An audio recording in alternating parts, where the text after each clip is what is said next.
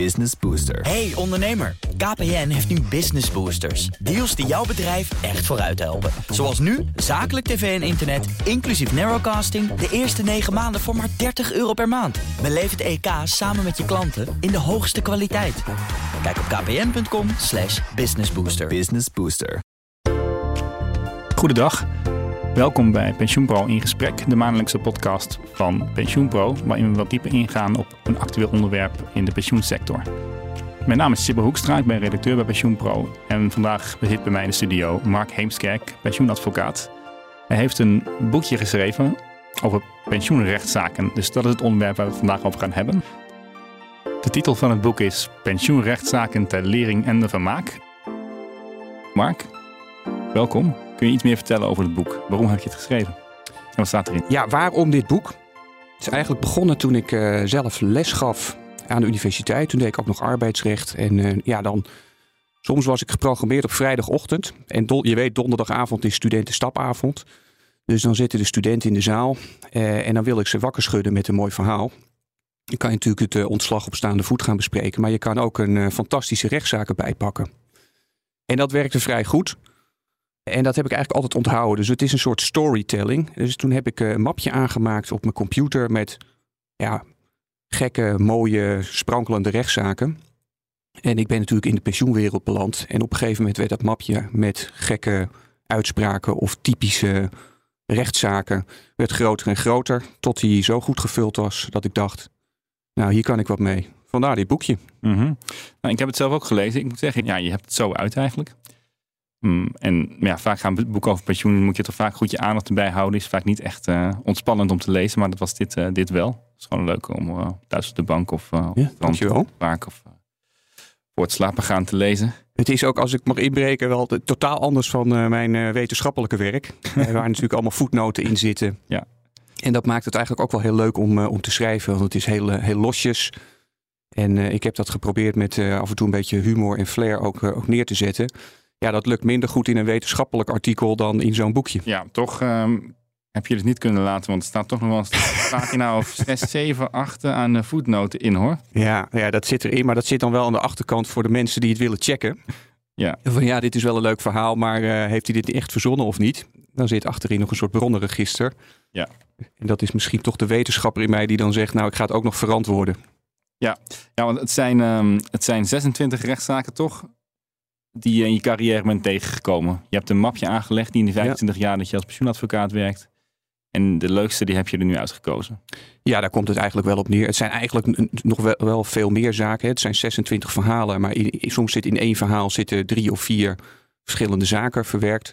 En er zitten ook uh, ja, praktijkervaringen die ik zelf heb. En dat is dan niet altijd gepubliceerd. Heb ik ook gebruikt om die verhalen een beetje vorm te geven. Wel heel losjes. Maar er zit wel, uh, nou, als ik dan zo onbescheiden mag zijn, 25 jaar vakmanschap en, uh, en kennis in die verhalen. Ja. Ja, en als we er even een paar uit, uh, uitpikken, want er zitten een paar, ja, je hebt natuurlijk de zaak die niet kan ontbreken, is natuurlijk die van Henk Krol en zijn de niet afgedragen pensioenpremies. Die kent iedereen denk ik wel. Wat vond je verder echt bijzondere, bijzondere zaken? Nou ja, dat moeten de mensen ze, zijn me, ze zijn me allemaal even lief bijna, maar ja, je hebt toch wel verhalen waarvan je denkt, jongen, jongen. Er zitten een paar juridische uh, leuke thema's in, maar uh, een verhaal dat er bijvoorbeeld uitspringt dat ik, ik hou die rechtspraak bij elke maand. En soms zit je dus met rode oortjes te lezen. En nou ja, dat was ook het geval bij de zaak waarvan ik denk, lees ik dit wel goed? Er was een man die was getrouwd.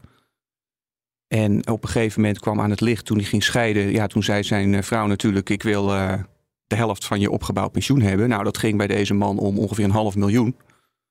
En later is hij erachter gekomen dat hij niet de enige was die uh, met zijn vrouw getrouwd was. Ja, dat klinkt raar, maar zo was het echt. Het was gewoon bigamie. Nou, dan gaat mijn fantasie echt met me aan de haal. Dan denk ik, uh, en dan zie je zo'n zo gort droog vonnis. Uh, dat lees je dan. Dan blijkt dat diezelfde vrouw al met iemand in Groot-Brittannië was getrouwd. Uh, dat wordt dan juridisch natuurlijk een zaak, omdat dat half miljoen aan pensioen, ja, dat wordt dan teruggehaald. Dat was althans de bedoeling. Uh, maar dit was een Thaise bruid, dus die zit dan ergens in Thailand. Nou, mijn fantasie is al wel helemaal op hol geslagen. Dan heb je een overwinning in de vorm van een vonnis. Maar is dat, is dat echt nog terug te halen? Of zit iemand dan in Thailand met het geld? Nou, dat is een voorbeeld van een rechtszaak waarvan ik dacht... die gaat meteen het mapje in. Ja, En wanneer speelde die rechtszaak? Dit is, uh, ik denk 2020, 2019 of zo. Ja. En je weet niet hoe het afgelopen is? Dit is, ja, dat is. Ik zit wel eens te denken, als ik nou uh, journalist zou zijn of. Uh, maar dat zijn wel mijn, mijn wildste dromen. Dan denk ik, ik zou eigenlijk wel eens dus met een camera op pad willen om te kijken hoe het met die mensen is. Ik zou die man wel eens gesproken willen hebben van ja, hoe, hoe was dit nou voor je? Uh, maar wij moeten het nu even doen met het vonnis. En je weet niet wat daarna is gebeurd. Misschien een tv-serie, Omroep Max? ja, ja, nou goed idee. Ze kunnen me bellen. Ik zal het tegen Kees, Kees Grimbergen zeggen. Um, nou, stonden er, ja, er stonden nog meer, natuurlijk nog meer, uh, meer leuke zaken in. Wat ik zelf uh, wel uh, opvallend vond. Ja, is op zich ook wel een bekende zaak, hoor, maar zeker niet bij iedereen bekend. De drie voormalige Oranje Internationals die gingen bij het pensioenfonds ja. van, van de profvoetballers langs om hun pensioen op te eisen. Ja, ja dit is echt een ongelooflijk verhaal. het om, is, om wie ging het? Ja, we kunnen naam en rug, want dat heeft gewoon in de, in de pers gestaan. Glenn Helder ging het om. De sierlijke linksbuiten van Sparta, Vitesse en later Arsenal. Uh, John Veldman mm-hmm. van Ajax en Ulrich van Gobbel. En, en, twee van hen hebben ook een biografie geschreven. En daar staat dit dan weliswaar net andere bewoordingen ook in. Uh, maar wat mij opviel uh, toen ik dat eens een beetje dieper ging, ging graven, is ja, het schijnt echt waar te zijn geweest dat die op een gegeven moment, ja, die voetballers verdienen toch vrij aardig, denk ik. Dan is het geld op.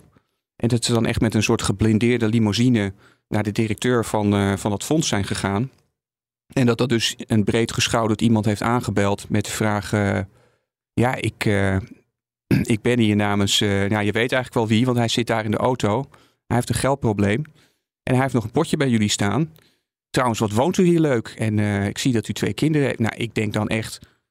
The Godfather, fantastische film. Maar dat gebeurt dus in Nederland. Onwaarschijnlijk. Ja, maar het meest bijzondere misschien is nog wel dat in eerste instantie dus die directeur voor die bedreiging is gezwicht en gezegd heeft onder strikte geheim houden tegen Glenn Helder was het toch uh, ja. hier je mag je pensioen hebben als je daar niemand anders vertelt. Ja, en dat werkte niet heel goed hè. Want twee, twee dagen later stonden die andere voetballers op de stoep. Ja. Ja, ja ongelooflijk verhaal toch. Is daar heeft nog een staartje gekregen eigenlijk? Ja, dat weet ik niet. Daar houdt op een gegeven moment de, de berichtgeving op ja, wat we natuurlijk wel weten is bijvoorbeeld uh, Glenn Helder is daar heel, heel open in geweest. Die zit nu volgens mij ook bij die, uh, zo'n voetbalprogramma. Dus is hij te, zit hij te drummen. Dus we, we, weten wel wat er verder in het persoonlijk leven ongeveer gebeurd is. En met Ulrich van Gobbel ook.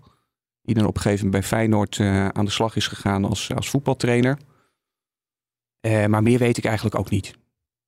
Ja, nou staan er nog veel meer, veel meer leuke en ook leerzame zaken in. Bijvoorbeeld, uh, wat ik zelf wel aardig vond, was een, uh, een man die pensioen, pensioen had opgebouwd bij Nationale Nederlanden. Ja. Dat vervolgens ja. werd overgezet naar PMT. Ja. En hem werd uh, schriftelijk beloofd in een brief van zijn pensioenfonds dat het geen financiële gevolgen zou hebben. Ja. Vervolgens gaat PMT korten en ja, dan spant hij een rechtszaak aan. Hoe is dat afgelopen? nou, voor deze man is dat goed afgelopen. maar typisch ook, is ook wel weer dat de uitkomst bij het Hof in het voordeel van die man was, maar bij de rechtbank kreeg hij nog geen gelijk. Mm -hmm. En dat is toch, ja, als je dat leest, dan denk je, hoe, hoe kan dat eigenlijk? Hoe loopt zoiets? Want ja, een briefje waarin staat, dit heeft geen financiële gevolgen voor u, terwijl je overstapt van een verzekeraar naar een pensioenfonds, waar natuurlijk wel dat kortingsrisico in zit. Ja, dan verwacht je dat het is. Maar dat heeft dan weer met de juridische techniek te maken van ja, wie is er nou verantwoordelijk? Is dat dan eigenlijk de verantwoordelijkheid van de verzekeraar of van het pensioenfonds geweest om te informeren? Dus dan zit je eigenlijk de juridische techniek daar weer achter. Uh, maar je vraag was, hoe is het afgelopen? Nou, voor deze man goed. Dus hij heeft uh, schadevergoeding gekregen en die korting is ongedaan gemaakt. Mm -hmm. Nou, zei, vroeg ik ook aan je in het vorige gesprek dat we hadden. Is er nou van die 26 uitspraken, zit er nou eentje bij die je niet begrijpt? Waarvan je dacht van, hé, hey, ik, had het, ik had een andere, ik had de andere kant, ik had een ander soort uitspraak verwacht. Want je zegt net, de kantonrechter die zei iets. Maar heb je ook die uitspraak gelezen? Die dus uiteindelijk overruled is door de, door het gerechtshof. Ja, ik heb natuurlijk wel die, die zaken heb ik, heb ik gelezen. Uh, dus dan zie je wel. Nou, neem die. een ander verhaal dat erin staat is iets. Wat heel vaak voorkomt, die werkingssfeergeschillen. Hè, is ik durf die rechtspraak. En wat het meest specifieke geschil is, is val je wel of niet onder de verplichtstelling.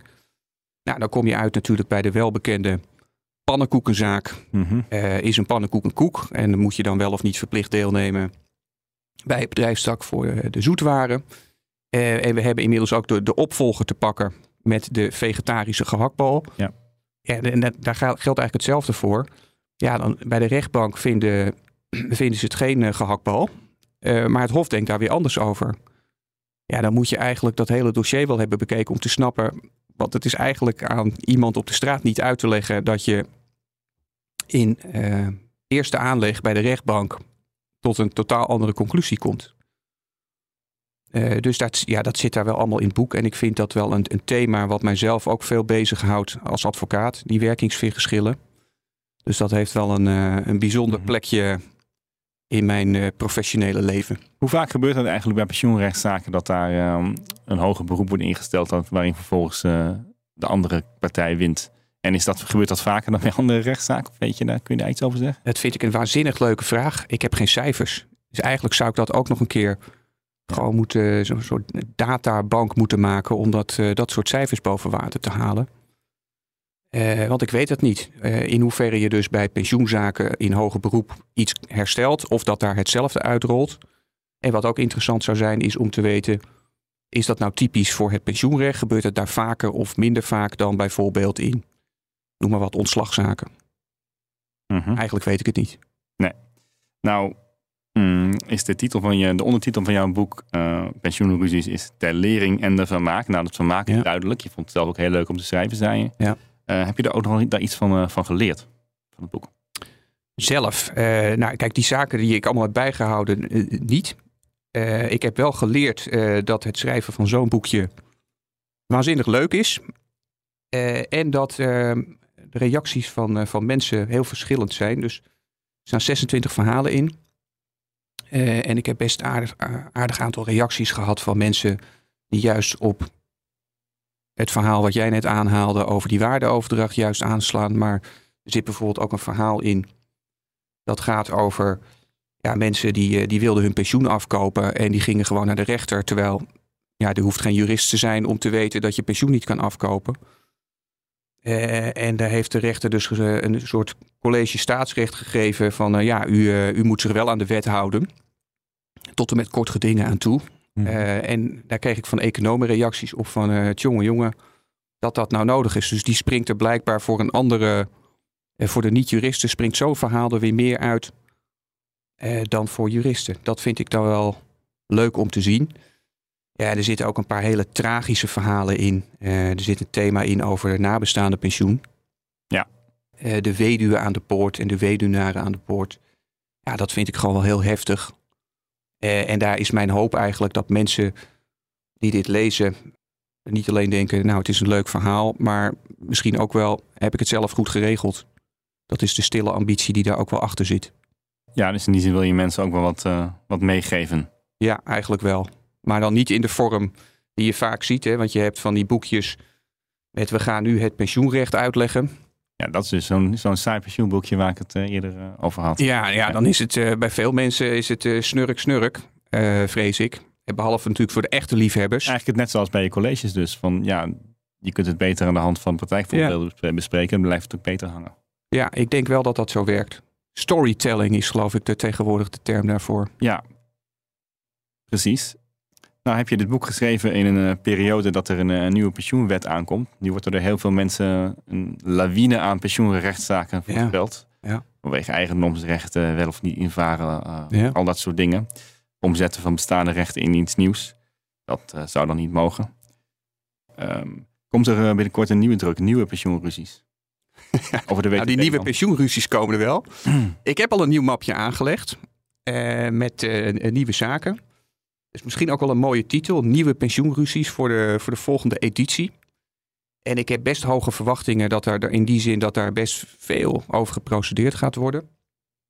Ik mag soms ook uh, bijvoorbeeld cursus geven aan uh, het opleidingsinstituut voor rechters. Daar was ik gisteren. Uh, ja, die zijn ook allemaal heel erg geïnteresseerd. Hè. De Raad voor de Rechtspraak, dat haalde je net al een beetje aan.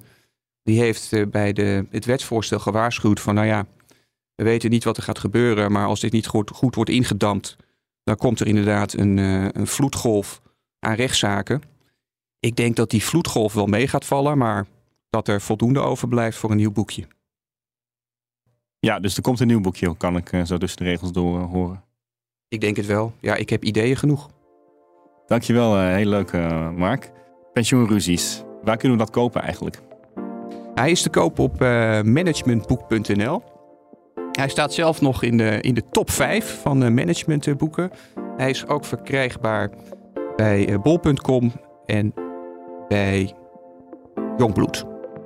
Jongbloed? Jongbloed, dat is een uh, meer een juridische uh, uitgever. Een juridische uitgever, ja. Oké. Nou, ik zou zeggen, ga het vooral, uh, vooral lezen. Ik dank u voor het luisteren. En ik zie u graag over een maand weer bij onze volgende Pensioenpro in gesprek.